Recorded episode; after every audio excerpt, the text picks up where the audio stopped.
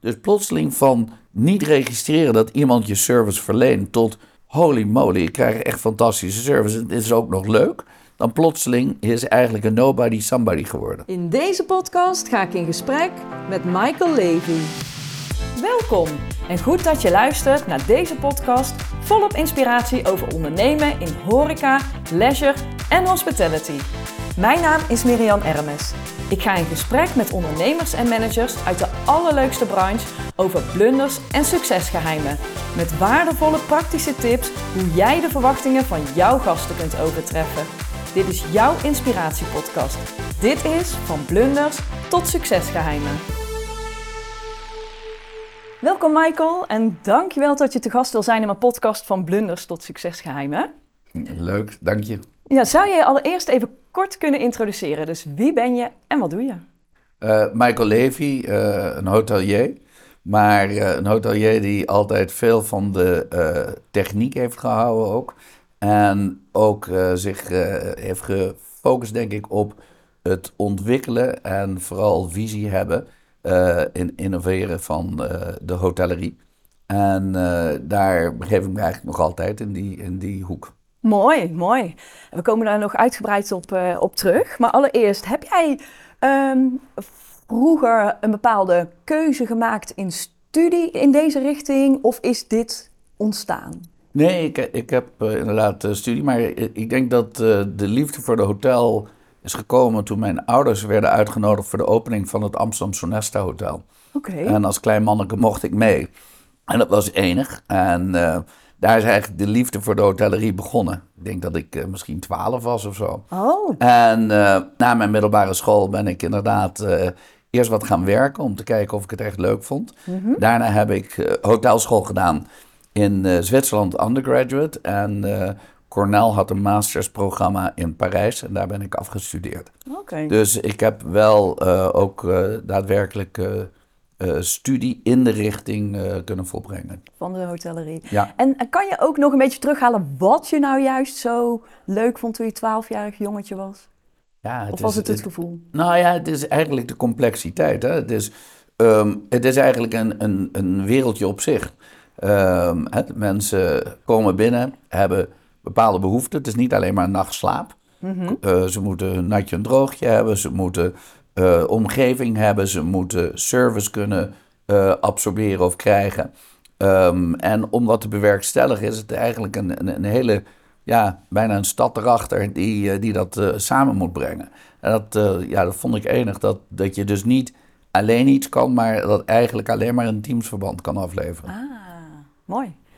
En toen je klaar was met je studie, toen ben je waarschijnlijk je eerste hoteljob gaan doen. Ja, ik ben terechtgekomen bij Sonesta Hotels. Mhm. En daar heb ik uiteindelijk 18 jaar voor gewerkt. En het geluk gehad met de derde generatie binnen het bedrijf op te groeien. En ik heb um, stadshotels gezien, groep- en convention hotels gezien, resort hotels gezien. Ah. Um, dat gedaan in uh, Caribisch gebied, in, uh, in Noord-Amerika. Ik heb voor ze gewerkt natuurlijk in Europa, ook in Amsterdam waar ik begonnen ben. Uh, maar uiteindelijk beland om het Midden-Oosten voor ze te runnen. Ah, dus je hebt eigenlijk al vanaf het begin de hele wereld overgegaan. Ja, dit is natuurlijk wel een vak dat als je uh, je vizier hebt gezet op, uh, op het echt mee participeren in alle facetten, ja. dan is Nederland vrij klein. Dus ja, je ziet ook heel veel Nederlanders in het hotelvak die over de hele wereld verspreid zijn. Klein wereldje waarschijnlijk. Nou, valt best wel mee, want Ja? de wereld is redelijk groot. Maar, uh, Maar kom je vaak dezelfde tegen? Uh, soms, maar je hebt natuurlijk ook wel heel veel Nederlanders die hun carrière buiten uh, Nederland maken. En het grappige is, heel vaak uh, geïnterviewd ook met, met kandidaten of met omstandigheden waarbij heel duidelijk wordt dat eigenlijk iedereen wel op een gegeven moment naar huis teruggaat. Dus uh, die aantrekkingskracht van het moederland Mhm. uh, is zo groot dat ze wel carrière buiten uh, huis doen of buiten het land doen, maar uiteindelijk terugkeren. En bij de Nederlanders is het frappant dat die niet noodzakelijkerwijs terugkeren. Oh, is dat zo? bij mij door omstandigheden is het gekomen, maar ik, ik begrijp dat wel. Er zijn heel veel Nederlanders die zich nestelen en vestigen en, en nooit meer terugkomen. Oh, maar jij zelf bent wel teruggekomen. Ik ben teruggekomen door Ja. omstandigheden, ja. Ja. ja. Ah. En eh, jouw eerste rollen, want eh, ik neem aan eerst op de vloer en eh hotelmanagersachtig jobs of... Ja, ik ben via de Rooms Division gegroeid. Ja. Dus receptie, daar zit de housekeeping in. Daar zit alles eigenlijk wat je aan de, aan de front of the house, hè, aan de gastenkant, ziet. En ehm, Rooms Division Manager geworden op divisiehoofdniveau. En eh, heel vroeg in mijn carrière General Manager. Ah. En ehm, een openend hotel in Aruba. En ik denk dat ik 27 was, 28. Zo. Dus dat was redelijk vroeg. Dat is vroeg, ja. En, eh, maar erg leuk, uitdagende eh, job geweest. Van daaruit dat je dan niet meer één hotel, maar ook meerdere hotels onder je krijgt. Hmm. En uiteindelijk meer de sprong naar eh, corporate, waar ik dan operationeel eh, de bedrijven begon te runnen. Ja, precies. Dan had je er meerdere onder je en dan altijd met de operationele Ja. blik. Ja. En had je destijds al eh, de affiniteit met techniek of was het nog te vroeg toen? Nee, al vrij vroeg. Ja? Eh, ja, al vrij vroeg. Want namelijk, ehm, er zijn natuurlijk vooral, als je kijkt hoe we onze reservering naar binnen trekken, is er heel veel techniek voor nodig. Ja. Dat begon destijds al. Ja. En wij zijn redelijk complex. Dus niet alleen kamerinkomsten, maar je hebt natuurlijk ook inkomsten uit, eh, uit andere eh, food and beverage, Ja. uit zalenhuur, uit andere componenten. Eventueel en events als je keuzes maakt met welke segmenten je werkt, bepaal je natuurlijk ook heel erg wat voor een eh, inkomsten, Ja. hoe die inkomsten kosten genereren. Ja. En uiteindelijk produceren aan de, aan de bottom line of ze wel of niet eh, groot bijdragen. En in die constellatie eh, zijn we techniek gaan gebruiken. Eigenlijk aan de achterkant. Aan de achterkant, ja. Ja. En die techniek eh, was vroeger revenue management. Ja, precies. Maar vooral om te kunnen zien dus waar die, eh, waar die inkomsten vandaan kwamen, goed analyseren. Daar ben ik in de mid-tachtige jaren al mee begonnen en, eh, en actief in geweest. En tot op vandaag ben ik daar heel actief in. Ja, precies. Want je was eerst bij de Sonesta Hotels. Hè? Daar ben je wat groter, of in ieder geval, daar Ja. ben je begonnen hè, met je carrière. Op een gegeven moment ging je naar NH Ja, als country director. Ja, NH was eigenlijk verdeeld met alles wat eh, vanuit Spanje werd gemanaged. En alles wat vanuit niet-Spanje werd gemanaged. En dat was eigenlijk Noord-Europa. En eerst was dat de Golden Tulip Krasnopolski groep die ze hebben overgenomen. Ja. Later is daar de Astron groep in Duitsland bijgekomen. Ehm, en ze hadden eh, wereldwijd een aantal hotels. En die zaten dan ook in die groep. Dus was, eh, ja, de officiële titel was Country Director. Maar omdat Krasnopolski een eh, aparte listing had op de beurs... Ja. was je eigenlijk bestuursvoorzitter van het bedrijf. Terwijl wel 100% eigendom was van NH Spanje. En Oh. rapporteerde je dus aan de CEO in Spanje. En, want jij was dan eh, country director. En dat betekent dat je eigenlijk verantwoordelijk bent voor alle hotels in. Ja, in je regio. Nog- Het was, ja, eh, eh, ja, het was niet één land, het waren meerdere landen Ja. in de regio. En moet je je voorstellen dat eh, toen ik begon, was die regio misschien 65 hotels. En eh, toen, ja, vandaag aan de dag is dat giga gegroeid. Ik denk dat ze misschien wel boven de 200 eh, Wow. hotels zitten nu. Ja. En dat komt dus ook door overnames eh, in Duitsland of in andere landen. ja. En eh, wat heb je daar vooral geleerd? Nou, ik denk dat, dat de Spanjaarden goed hadden begrepen dat hoe meer je kennis kan centraliseren en hoe meer je dat kan automatiseren, je op de plaats eigenlijk je focus kan leggen op het, het verzorgen van de gast. Dus ook weer dat techniek. Ja, ze waren niet zo technisch onderlegd, zou ik maar zeggen.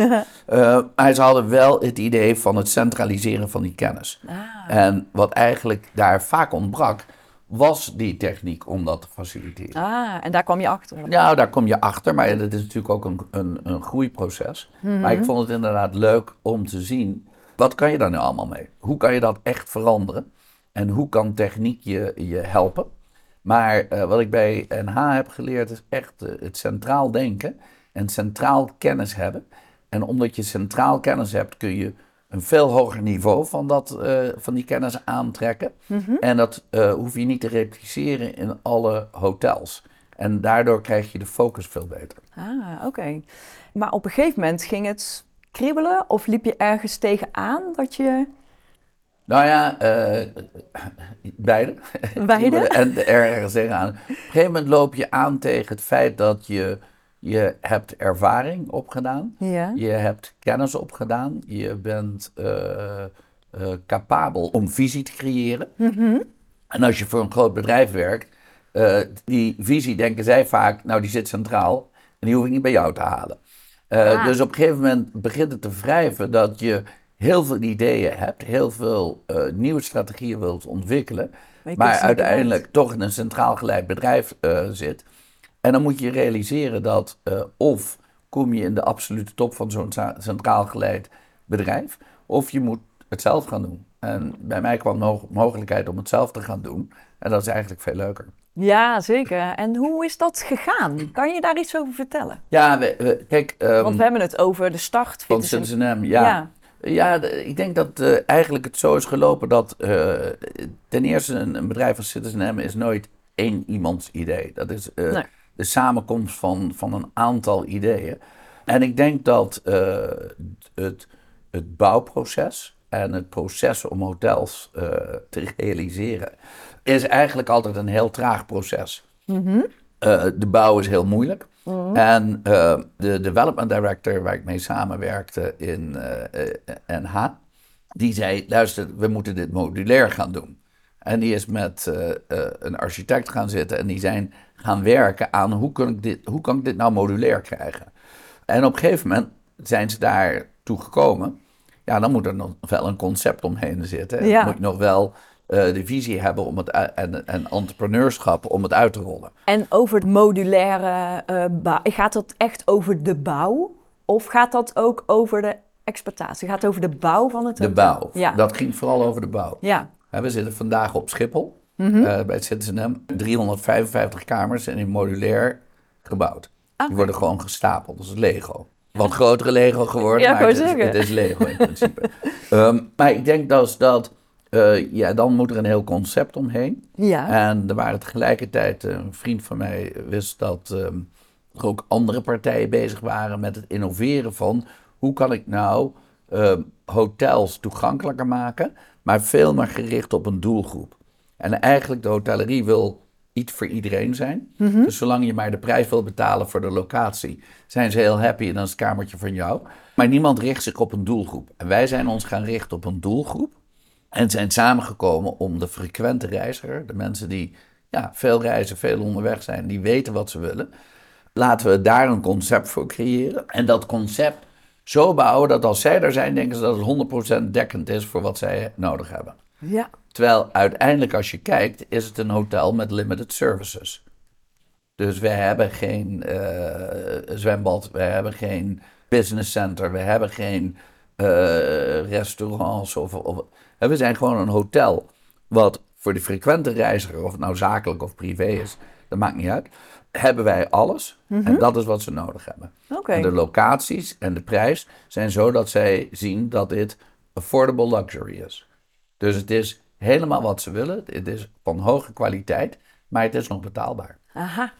Je zegt voor de frequente reiziger, heb je dan ook een leeftijd in gedachten? Of is, maakt dat ook niet uit? Nee, dat denk ik niet. Maar ik denk dat als je eh 12 of 14 bent, wil je misschien wel reizen, maar ben je niet een frequente reiziger. Nee, precies. Ehm, ik denk dat het natuurlijk wel leeftijdsgebonden is. Ik denk dat een frequente reiziger, laten we zeggen, van mid 20 eh, begint, eh, Ja. als dat zo is. En dat gaat door tot wanneer het doorgaat. Ja. Maar ik denk dat die doelgroep eh, het grootste is, denk ik, tussen misschien de 30 en de 55 of zo. En heb je dan, hè, want je zegt eh, je bent niet alleen, dus je hebt een aantal eh, mensen, ben je tegengekomen waarmee je dit bent gaan ontwikkelen. Vanuit bouw ontstaan, maar op een gegeven moment is een heel gast of concept omheen gebouwd. Nou ja, het is, Dat- het is ergens ontstaan, maar het, het idee was natuurlijk altijd om een hotelconcept neer te zetten. Ja. En dat hotelconcept hebben wij bedacht dat als je dat wil bouwen en uitrollen en, en groot wil maken, moet je controle hebben over het merk Ja, wat je aan het bouwen bent. En wij hebben gesteld dat dat alleen kan als je die hotels in eigendom hebt. Aha. Dus we zijn met een hele grote klus begonnen om misschien langzamer te groeien, maar dat wel in eigendom te doen. Dat doe je niet, natuurlijk niet alleen. Nee, Dat doe je met financiële partners. zeker. Maar eh, het geeft je wel de mogelijkheid om controle te hebben. Dus, elke steen is van jullie, zeg maar. Is Eh, van ja, de een- Citizen M. groep. Ja, het merendeel. eh ja, er Ja. zijn twee hotels waar we managementcontracten hebben in het, in het Verre Oosten. Maar de meeste stenen inderdaad zijn van ons. Ja, en dan, Maar- ben je natuurlijk, dan heb je veel meer te zeggen, ook over de investering, over het onderhoud en dat Je soort hebt dingen. controle over alles. Over Met je alles, eigen ja. huis. Je, je hebt controle over alles. Ja, Maar wat eigenlijk voor ons belangrijker was, eh, een centraal geleid model. Heel veel techniek gebruiken om dat zo efficiënt mogelijk te maken. Centraal de kennis te hebben. En centraal hoeft niet centraal op één locatie te zijn. Omdat we wereldwijd eh, gegroeid zijn. Ja. We hebben meerdere kantoren in de wereld. En waar die personen met dat centrale kennis zitten, dat maakt niet zoveel uit. Maar ze doen het voor alle hotels. dus je hebt verschillende hoofdkantoren. Of verschillende kantoren over de Wij, wereld. wij noemen het met opzet geen hoofdkantoor, Oh. omdat het... eh, Sorry. ja, nou ja, nee, helemaal niet. Hoofdkantoren zijn altijd eh, waar hele belangrijke mensen werken die alles weten. Ja, en precies. wij hebben gesteld, wij leveren support aan de hotels. Zijn Dus support. het zijn support officers. Ja. En eh, mensen die support leveren, komen dan ook in jouw dienst dingen uitvoeren. En dat is een andere filosofie. Oké. Maar je was in, want in 2008 is de eerste geopend. En toen was je best wel een zeer vernieuwend hotel ten opzichte van wat er was. Ja, ik denk niet alleen in 2008. Ik denk Nog vandaag steeds. aan de dag nog Ja. steeds is. Ja. En, en hoe, ehm, hoe bedenk je dat? Hoe, hoe ontstaat dat? Is dat eh, door met gasten te praten? Is dat door te ervaren? Is dat... eh, Nee, te het is, het durven? is eh, nou ja, een beetje van alles. Maar ik denk dat je, eh, als je kijkt in eh, de wereld hoe producten ontstaan, ja, dan is het heel vaak dat men kijkt naar een bepaalde product of service voor een doelgroep. En dat doet de hotellerie niet. Die denken van, nou, wij gaan wat bouwen en dan gaan we kijken wie erin komt. dat doet de normale hotel. ja, en, Ja. en wij hebben dat omgedraaid. Hebben gezegd, waar zit nou die frequente reiziger? Wat, wat is de behoefte van die frequente reiziger? Mhm. En eh, de senior partner kwam eh, uit retail. En die zat heel erg te denken van, waarom maken we het allemaal zo moeilijk? Zullen we het vereenvoudigen, het proces? En dat is natuurlijk precies waar ik ook vandaan kwam. Maar zie, ja, dat, dat is wat, wat moet. Ja, Dus we zijn gaan kijken naar die frequente reiziger. We zijn gaan kijken waar zit die frequente reiziger. Dat is natuurlijk vaak in de metropolen van de wereld.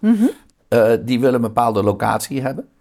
Dus het hoeft niet helemaal in het business hart te zitten. Het hoeft niet helemaal in de stadskern te zitten. Maar het moet wel op die lijn zitten.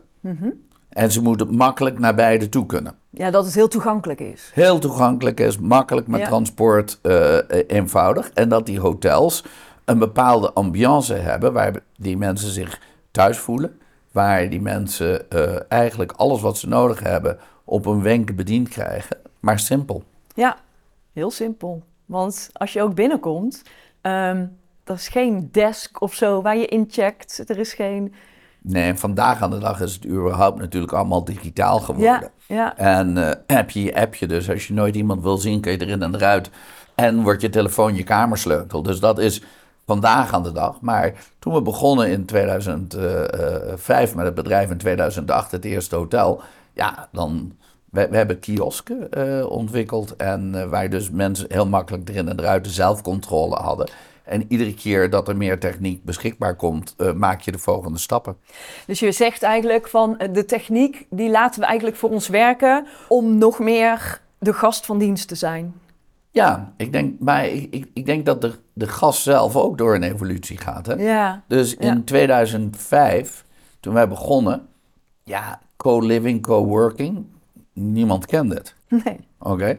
Ehm, in 2005 ehm, begon je misschien een beetje elektronisch je, je bank te doen. Misschien dat je een boarding pass eh, thuis uitprinten.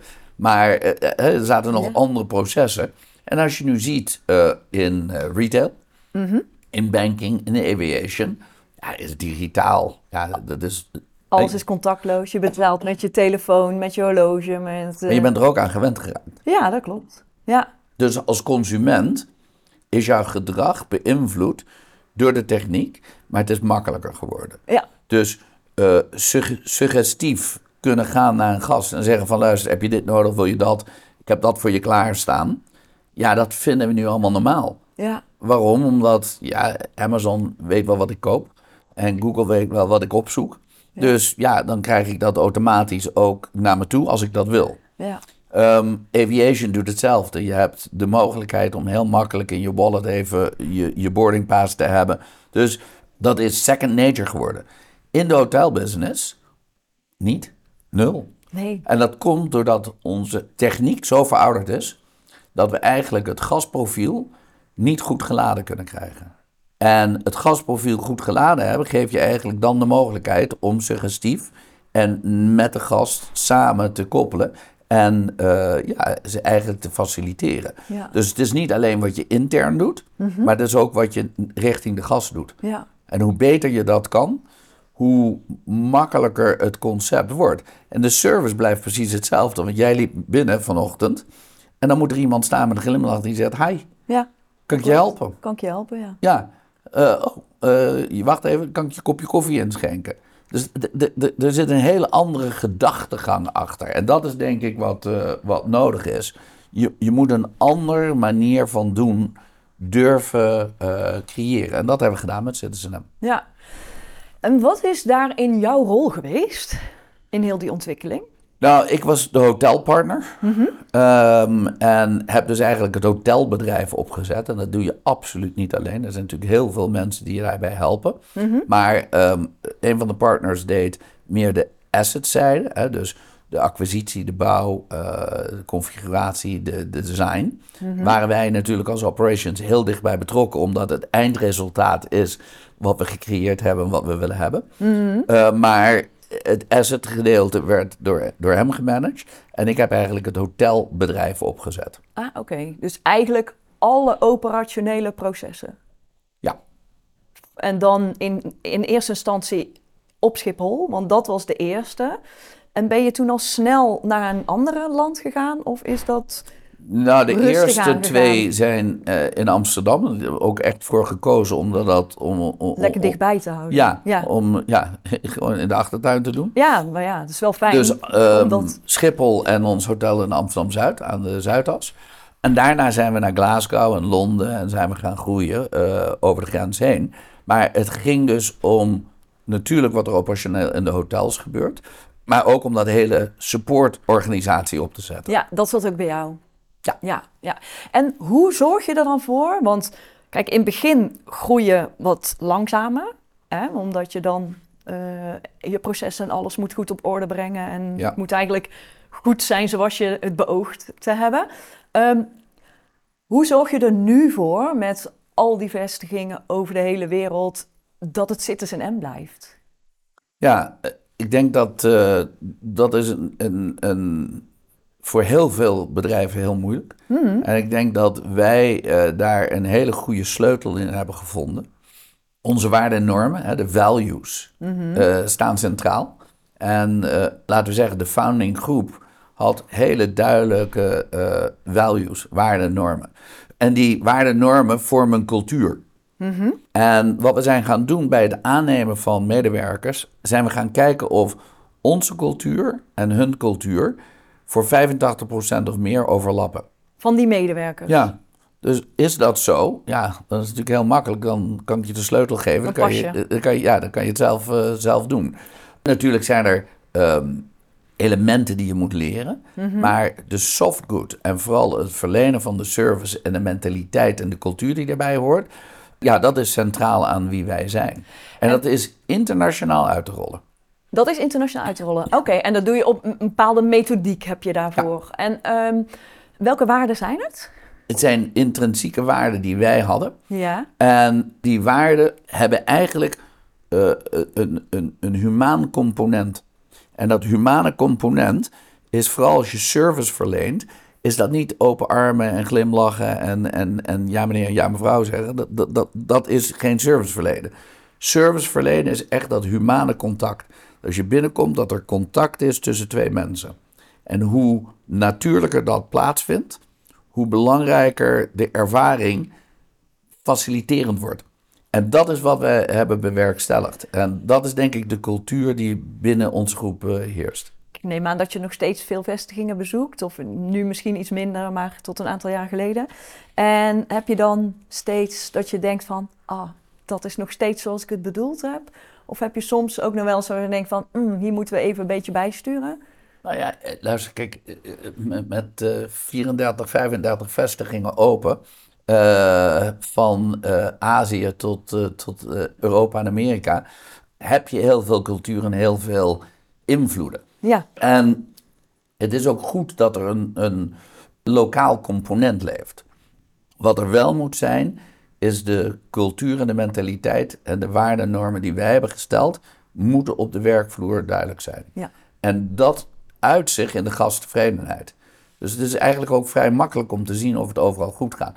Gaat het altijd 100% overal goed? Nee, natuurlijk niet. Nee, maar dat maar, is ja. Uh, voor merendeel denk ik dat wij als bedrijf um, heel duidelijk zijn in wat we wel zijn en wat we niet zijn. Uh, dus laten we zeggen een, een under-promise en een over-deliver. Dus mensen komen eigenlijk altijd weg en die zeggen van ja, dit is fenomenaal. Ik had, ik had minder voorgesteld. Oh. Terwijl heel veel bedrijven in de wereld het net anders doen. Die beloven de toppen. En dan is het maar hopen dat ze altijd afleveren. Ah, dus ik denk dat het merendeel toch wel bij ons altijd heel happy eruit loopt, omdat dat werkt. Hm, mooi. Dat is ook een goede gedachtegang om dat zo te doen. Ja. En um, nou, sinds een aantal jaren ben je niet meer um, in de organisatie van Citizen M. Klopt. Wat ben je nu aan het doen? Nou ja, na 40 jaar uh, actief te zijn geweest in de hotelbusiness en uh, ja, toch grote verantwoordelijkheden te dragen dagelijks en heel veel energie moeten geven, vond ik het eigenlijk wel goed om, uh, om eigenlijk mijn kennis en mijn ervaring zo te gebruiken dat ik het wat meer kon doseren mm -hmm. en wat meer kon toespitsen.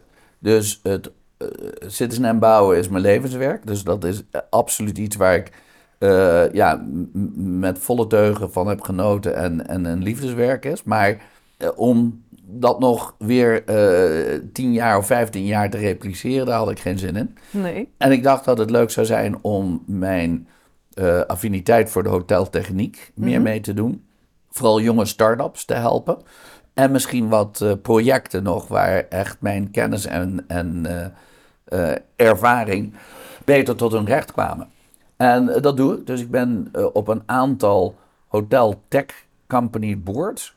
En uh, daar ja, kan ik hen mee helpen met de visie en het operationele. En hopelijk ook het, het, positioneren van hun techniek beter. Ik ben betrokken bij een groot aantal jonge bedrijven. En ook wel soms nieuwe mogelijkheden waar je gewoon door je kennis aan tafel komt. Mm -hmm. En ik ben een aantal jaar geleden gevraagd door de uh, CEO van Neom Hospitality. Dat is in Saudi-Arabië een, een, heel groot project. Oké. Okay. En uh, die heeft me gevraagd of ik hem uh, wil adviseren. En dat doe ik al ruim twee jaar. En ja, dat is een, een giga-onderneming die ze daar aan het doen zijn.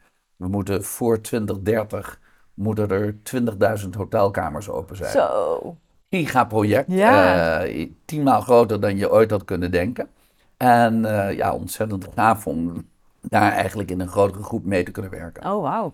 En, en waar, uh, als iemand je vraagt nu, waar, waar moet dat dan aan voldoen? Wil je daarin willen stappen? Wil je dat leuk vinden? Wil je, wat, wat is nou, belangrijk? Ik denk dat leuk vinden is inderdaad een hele belangrijke. ja. dus je moet er affiniteit mee hebben. Ja. Ik vind ook, ik check vaak heel erg of ik een toegevoegde waarde kan leveren. Ja, precies. Dus je gaat er wel Puur goed... alleen om het te doen, om te doen, heb ik geen zin in. Nee. Je moet daadwerkelijk ook kennis hebben en uh, daadwerkelijk een, een deel kunnen invullen waar de behoefte zit van, de, van, van die uh, groepen. Ja. Leuke mensen. Ja. Dus ik, gelukkig hoef ik niet meer dingen te doen die ik niet leuk vind. Nee, ik kan precies. alleen maar dingen doen die ik wel leuk vind. Nou is het mooi, toch? Ja, en, en je bouwt natuurlijk een netwerk op. Dus je, ja, je krijgt heel vaak de bal toegespeeld uit je netwerk. Kan je hierbij helpen? kun je En dan doen. kijk je, nou, ik vind het leuk, leuke partij, leuke mensen en ik kan iets toevoegen. Ja. Dan, En ik heb ook een aantal malen eh on the fly gezegd van luister, dit is, dit is is niet goed gelopen en eh, dat doen we niet. ja. ja, maar als je daar ook eerlijk in kan zijn, dan Ja, is het ook prima. ja. Michael, het is nu 2028. ja. Hoe kijk je dan terug op de afgelopen vijf jaar?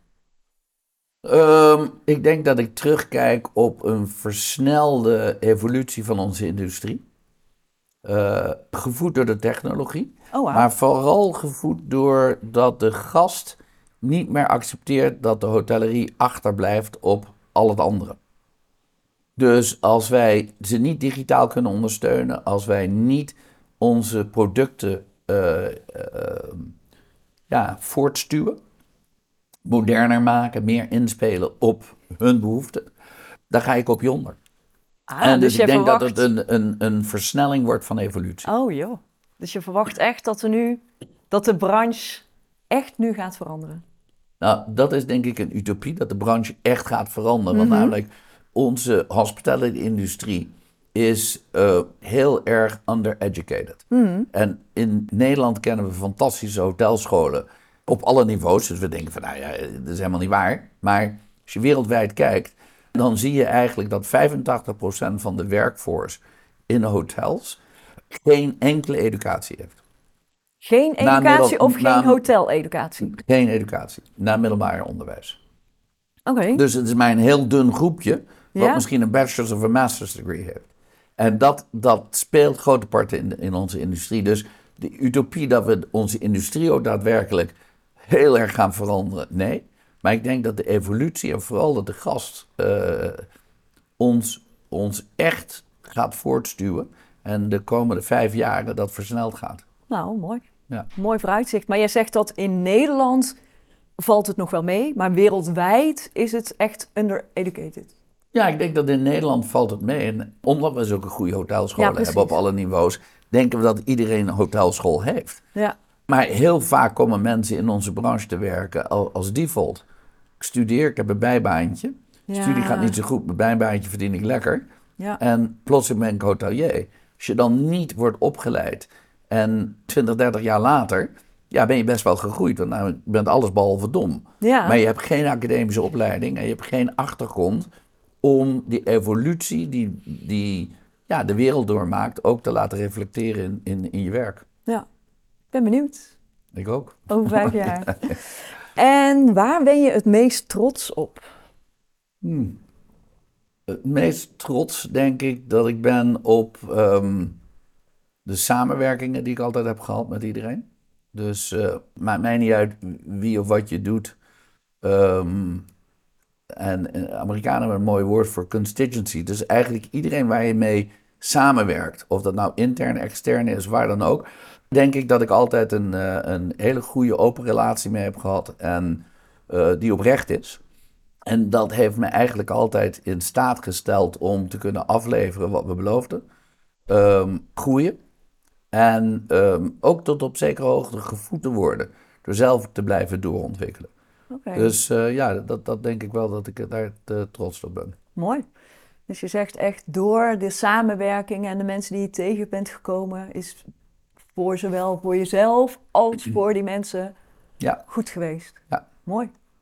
Het hoeft niet altijd in balans te zijn, maar, eh, en ook niet met een eh, specifiek iemand. Maar die balans die, die nestelt zich wel over tijd. Ja. ja, je wil zeggen dat kan ook, als het nu niet in balans is, dan komt het later wel in balans. Of, eh, Eh, Tussen jou en mij kan het één kant op zitten en Ja. dan met iemand anders de andere kant op Precies. zitten. Maar over tijd denk ik dat je moet ehm, heel veel kunnen geven, maar je moet kunnen begrijpen dat als je wil geven, moet je ook kunnen nemen. ja. Dus zelf ook Dat is misschien nog wel net zo moeilijk. Heel moeilijk voor heel veel mensen. Ja, ja. Ja. ja. ja. sommigen die zijn heel erg van nemen, anderen zijn heel erg van het geven. Maar die... Ja, maar ik denk dat, dat die balans zo noodzakelijk Ja. is. Van, namelijk, het is niet het een of het ander. Nee, Het moet juist in balans zitten over tijd. ja. Ja, dan word je dan ook wel, denk ik, als je kunt geven en kunt nemen, word je ook wel weer beter als mens van of zo. Ja, nou, maar dat is dus denk ik die relaties die je hebt. En dat zie ik vandaag aan de dag. Dat ja, eh, als ik wil, kan ik, eh, kan ik dag en nacht bezig zijn en dat wil ik niet meer. Nee, dat Maar snap ik. eh, het is wel heel mooi om te zien dat je heel actief en, en op hoog niveau nog kan bijdragen. Dat is ja, Ja. enig. Mooi. En ehm, wat is dan jouw grootste succesgeheim? Hmm. Ehm, ja, van mijn optiek uit denk ik dat eh, eh, als je dienend wil zijn Mhm. en je dienend leiderschap eh, weet wat dat is en hoe je dat kan doen, dat geeft, dat geeft nooit vrevel.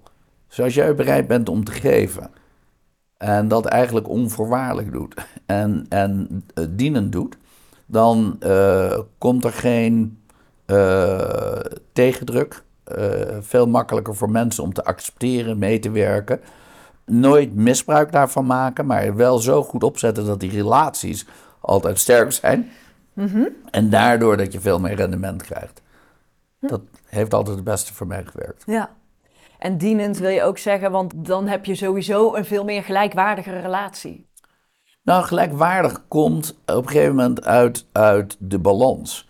Maar ehm, mijn favoriete vo- voorbeeld is altijd als ik eh, de hotels train. Ja. Ik zeg, luister, we zijn allemaal zijn wij klant bij de supermarkt. Ja. Nou, nu is er heel veel elektronisch scannen en is er niet meer iemand die dat voor je doet. Of maar heel veel jaren is er natuurlijk altijd iemand geweest die dat voor je scande. En eigenlijk is het zo dat als wij klant waren en bij de kassa kwamen en gescand werden, hadden wij niet door dat er een persoon zat. Nee. Dus als die persoon dienend was, ja, nou, uitstekend, dat registreerden we zelfs niet. Maar als die persoon heel goed was en contact had, je pak je koekjes of je boter, en zeg, oh, die gebruik ik ook, die is heel lekker, hè? En plotseling heb je humaan contact. Ja. Of dat ze doorhebben dat als je een vers brood hebt eh, genomen en daarna iets zwaars erachteraan eh, over, over de band doet en je brood wordt verpletterd, dat dat niet prettig is. Dus dat ze dat brood even achterhouden en eerst de zware dingen. Dus plotseling van niet registreren dat iemand je service verleent tot holy moly, ik krijg echt fantastische service. Het is ook nog leuk. Dan plotseling is eigenlijk een nobody somebody geworden. Dat En dat gezegd. proces in het dienend zijn heeft. Het, het werkt geen frictie op. Nee. Dus als je te agressief ergens in gaat of iets duwt of loopt te verkondigen wat je, waar je in gelooft, dat heeft altijd meteen frictie. Ja. Dit, dit is eigenlijk frictieloos dat je iets, iets op gang zet. En dat heeft het beste voor mij gewerkt altijd. En heb je daar ook, eh, ik weet niet of je dat wil eh, zeggen hoor, maar heeft, heb je ook daar een voorbeeld bij hoe je dat hebt aangepakt met iets of iemand? Nou ja, kijk, ik ben redelijk oud, dus er zijn voldoende voorbeelden Voorbeelden. door je carrière heen. Maar ik denk dat het vooral de mentaliteit moet zijn. Ben je bereid om eerst eens even te geven? Ben je eerst even bereid om klaar te staan? Ben je eerst bereid om eh, te luisteren, empathie te hebben, te, te begrijpen waar het om Het is een instelling.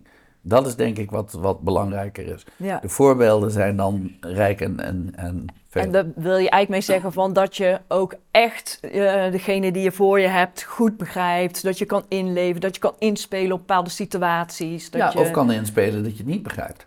Ook dat, ja. Heel belangrijk. Ja. Van, eh, wacht even, help me even, ik begrijp niet goed. Eh, wat is belangrijk? Maar heel vaak zijn mensen bereid om heel veel prijs te geven. Hmm. Zolang je maar niet binnenkomt als een bulldozer en het probeert eruit te halen. Ja, En als je dus ontwapenend bent, ja, dan komt het vaak jouw kant heel snel op. ja. En dan, dan heb je ook weer keuzes te maken. Dus ja, dat heeft het beste voor mij gewerkt. mooi. En een eh, succesvolle ondernemer maakt ook blunders. Ja. Ik ben heel benieuwd naar jouw allergrootste blunder die je hebt gemaakt. Nou ja, er zijn vele blunders, maar ik heb er even over nagedacht. Wat is een blunder? En wat is nou de filosofie wat mensen aantrekt tot blunders? Ehm, en ik denk dat het eigenlijk zo is dat in de meeste bedrijven een cultuur heerst waarbij dingen die misgaan eigenlijk eh, schaamte met zich meebrengen.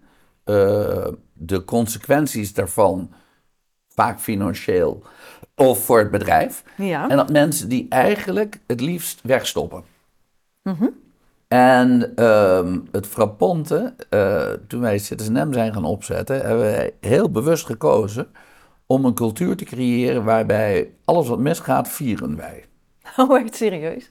En waarom vieren we het? Omdat hoe sneller je realiseert dat iets fout gaat en hoe opener je erover praat, hoe sneller je kan reageren en het recht trekken. En het is vaak de uh, openness en de bereidwillendheid om fouten te durven maken, die een bedrijf het snelst voort doet scheiden. Dus ja, wij, uh, een, een, high five en iemand die uh, uitgebreid zit te vertellen wat er mis is gegaan, is een cultuur die bij ons normaal is. Oké. Um, en, heb je het dan over een, kijk, je kunt een dienblad laten vallen over een gast, bijvoorbeeld.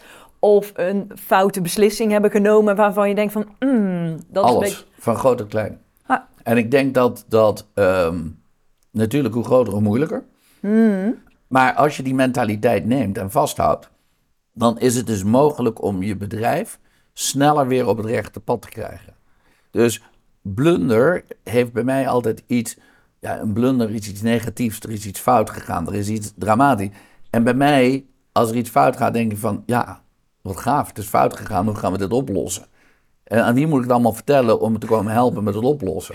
Welke blunder heb jij gevierd? Nou, ik heb er heel veel gevierd. Maar bij het opzetten van het concept van Citizen M... Mhm. hebben we heel vaak gekeken naar hoe we food and beverage moeten doen. Mhm. Je moet ontbijt hebben. Als je smiddags bent, een lunch of een dinertje. Je wilt het gezellig hebben, dus je moet ook nog een keer uh, een, een appje kunnen... Uh, of uh, s'avonds in de bar kunnen hangen. Dus je moet een bepaald component hebben wat je doet. Maar hoe doe ik dat nou anders zodat het efficiënter is voor de gast, precies de sweet spot raakt wat er nodig is, maar niet over de top. Mhm. Dus wij hebben gekeken naar de NPS-score, de Net Promoter Score, waarbij je bij 9 en 10 een positief krijgt. Alles wat tussen 6 en 8 zit is neutraal en alles daaronder negatief. Dus je kan een score NPS hebben die onder de 100 zit. Dat gaat van 100 positief naar 100 negatief. Hoe kun je nou zorgen dat alles wat je doet 9 en 10 zijn, maar dat je heel bewust kiest voor een onderdeel wat tussen de 6 en de 8 zit. Dus wat neutraal blijft ja. en je niet naar beneden trekt. Oké. En wij hebben gezegd in Food and Beverage, wij hebben geen Michelin-star restaurants. Nee. Maar we maken de gezelligste bar. We maken de gezelligste koffiecorner. Mm We hebben de lekkerste natjes en droogjes. Ehm, we doen een ontbijt wat niet een oneindige kaart is, maar gewoon um, yoghurt fruit, een eieroplossing heeft en uh, lekkere croissantjes en dan klaar. Mhm. En uh, dat concept, toen we het neer hadden gezet, hebben we echt een paar jaar aanlopen veilen en, en doen. Een paar keer opnieuw begonnen. Uh, totdat we uiteindelijk zijn beland waar we nu zijn. En uh, dat is eigenlijk een hele mooie samenwerking geweest met een hele high-end Michelin sterrenchef die eigenlijk volume is gaan koken. Oh, echt waar? En uh, in die constellatie hebben wij de beste balans gevonden om uh, zoveel mogelijk alles van buitenaf te trekken. Dus, dus we hebben eigenlijk geen keukens, het zijn meer pantries waar we dingen bij elkaar mm -hmm. voegen. En dat simpel hebben gemaakt. Dus dat betekent dat je in het begin best wel wat gevierd hebt dat het weer niet goed was gegaan met het. Nou, tot treurens toe hebben we dat gevierd. dus, dus we hebben dat echt heel vaak gedaan. Um, maar uiteindelijk, doordat we bespreekbaar maakten, iedereen daar een mening over had, iedereen mee participeerde, ja, is dat op een gegeven moment gegroeid tot waar we vandaag zijn. En doet het precies wat we willen. Mooi. Het zit tussen die, die, die zone waar je neutraal bent. En alles wat we heel goed doen, doen we heel goed. En dat doen we oké. Mooi. En uh, heb je dat dan eerst helemaal hier uitgevogeld? Of had je dat, heb je dan ook nog heel erg moeten sleutelen bij andere vestigingen? Nee, bij alle vestigingen. Bij alle vestigingen? Nee, we hebben één concept wat er over bij alle vestigingen uit wordt gerold. Ja. Dus de, nee, het is super pijnlijk als je dat niet goed doet. Nee, precies. Dus uh, nee, we hebben dat echt goed proberen te doen. Ja. En dat heeft ons heel veel jaren gekost. Zo. Ja. Maar eindelijk. Het is gelukt. Een ander iets, ik ben, uh, nadat ik uh, uit de DTD bij Citizen ben gestapt, ben ik met een partner begonnen om een bedrijf op te zetten wat zich helemaal specialiseerde op support naar um, start-ups. Ja. En um, we zijn al vrij vroeg gestrand, oh. omdat het niet schaalbaar was. we hebben er onvoldoende over nagedacht hoe we dat schaalbaar konden krijgen. Uiteindelijk, doordat we zelf ook heel druk werden met een aantal van die start-ups en die aantal mogelijkheden, is dat niet van de grond gekomen. Dus we, de mentaliteit is er nog altijd om zoveel mogelijk start-ups te helpen. Maar om daar echt helemaal een bedrijf van te hebben wat zich toespitst daarop, dat is niet gelukt. Dat is niet gelukt. Ah, jammer. Maar misschien ook goed zoals het nu is. Celebrate the failure. Precies. en wie is jouw grote voorbeeld? Nou, ik denk dat ik niet één of twee of drie voorbeelden. Ik heb eigenlijk altijd gekeken heel veel in mensen. Wat vind ik nou heel, heel positief aan die mensen? En ook gekeken wat vind ik heel negatief aan die mensen. En geprobeerd om zowel die twee extremen te bekijken hoe ik daar zelf mee omging. En eh, de invloed daarvan te gebruiken om aan de ene kant minder slecht te zijn. en aan de andere kant te verbeteren. Dus dat, dat is eigenlijk een ongoing proces. Eh, En kijk je dan naar iedereen waar je mee werkt of buiten het werk? Nee, het zijn toch of- wel de mensen waar je het meest respect voor hebt en, en, en eh, waar je een klik mee hebt, denk ik. Mhm. Ik heb wel een eh, vriend van mij die eh, heel veel voor mij heeft betekend. Ehm, die vooral vanuit een learning and development, vanuit een trainingsperspectief, vanuit een management objectief, eh, heel veel goede processen eh, wist te ehm, bouwen, zodat je daar daadwerkelijk ook een, ja, een bepaalde eh, methodiek had om, om dingen op te lossen. Dat heb ik me heel erg eigen gemaakt. Heel erg nauw met hem samengewerkt. Hele naaste vriendschappen en, en, en ja, soul partners eh, uit, uit voortgevloeid. Mooi. Hij is er helaas niet meer. Hij is Oh. een paar jaar geleden overleden. Maar ja, het leeft gewoon voort. En eh, ja, dat is wel eh, heel belangrijk geweest. En eh, een, een, denk ik de grootste draad in mijn leven. Samen met een van de leiders uit de Sonesta groep. eh, die met hem heel veel samenwerkte. En Oh. Dat zijn denk ik wel de personen die het meeste invloed hebben gehad. Oké, dus die ken je eigenlijk al heel erg lang vanuit je allereerste baan. Of was het een Ja, vanuit de? Sonesta-tijd. Dus Ah. dat is wel, dat, ja, dat klopt. Daar is die vriendschap ontstaan. Ja. ja. Ja, Jackie Sonnebend, eh, ze was toevallig hier verleden week met haar, eh, met haar dochter. Oh, Woont in Boston en eh, ja, we zijn nog altijd heel erg in contact. oh leuk. Michael Johnston, degene die, die dat eigenlijk voor ons beiden heeft geleerd. Ja, die is er niet meer, maar Nee. dat blijft wel voortbestaan, ja. Oh, mooi. Ja. En met wat je nu weet, wat zou je dan vijf jaar geleden als advies aan jezelf hebben gegeven? Ehm, ik denk dat ik beter had moeten lezen evolutie. Evolutie van Citizen M. Evolutie, wat je wel en niet kan bijdragen. Hoe je dat kan bijdragen. En dat, dat er ook een tijd komt om los te laten. En dat had ik sneller kunnen doen eh, of efficiënter kunnen doen. Ehm, ja, dat advies zou ik mezelf zeker geven van, joh, ga er niet altijd tegenin. En weet het beter, laat nou ook eens het, het, het, Los. het gebeuren en laat het dus los. Ja. Ehm, Want Ja. je hebt later gezien dat je, was dat misschien een stukje vertrouwen dan of zo? Of dat je het niet los durfde te laten? Of, nee, het is niet dat. Je zit in een flow, je ziet dingen die niet goed gaan en je weet wat je er zelf mee zou willen. Ja, je wil- maar je hebt niet meer de jurisdiction of je hebt niet meer de invloed om dat allemaal te doen. Dan moet je het ook laten gaan. ja, In plaats van eigenwijs blijven schreeuwen eh, dat, het, dat het anders moet. Dus dat had ik slimmer kunnen doen en beter kunnen doen. Ehm, Ik ben erg blij dat ik eh, de stap heb gemaakt om uit de day-to-day van Citizen te stappen en veel veelzijdiger te werk kunnen gaan. En, eh, en ja, mijn kennis en mijn ervaring eigenlijk op een veel betere manier te kunnen gebruiken dan het binnen eh Citizen M was blijven bestaan. Dus eh, eh, ik denk dat het advies een invloed had kunnen hebben, maar dat de uitkomst hetzelfde zou zijn geweest. Oh. Nou, dat is ook mooi toch? Ja, hopelijk wel, ja. ja. ja, ja. En tenslotte heb ik nog een aantal stellingen voor je. Cocktails of mocktails? Mocktails, Mocktails. Internationaal of lokaal? internationaal. Instagram of TikTok? Instagram. Ehm, artificial intelligence, is het een kans of een bedreiging? Ja, superkans. Ja? Ja. Nooit meer koken of nooit meer uit eten? nooit meer koken. Eh, vlees of vega? Vlees. Individueel of ketenvorming? Dat is moeilijk. Voor mij zijn, is het eigenlijk gelijk. Want eh, zelfs als ketenvormen heeft het altijd een individuele component en een individuele karakter. Maar als ik moet kiezen, individueel. Zo. En zomer of winter? Zomer. Ja, zomer. Zeker. Ja, zeker. Dankjewel Michael voor je openhartigheid en het leuke gesprek. Dank voor het gesprek. Bedankt voor het luisteren naar deze podcast.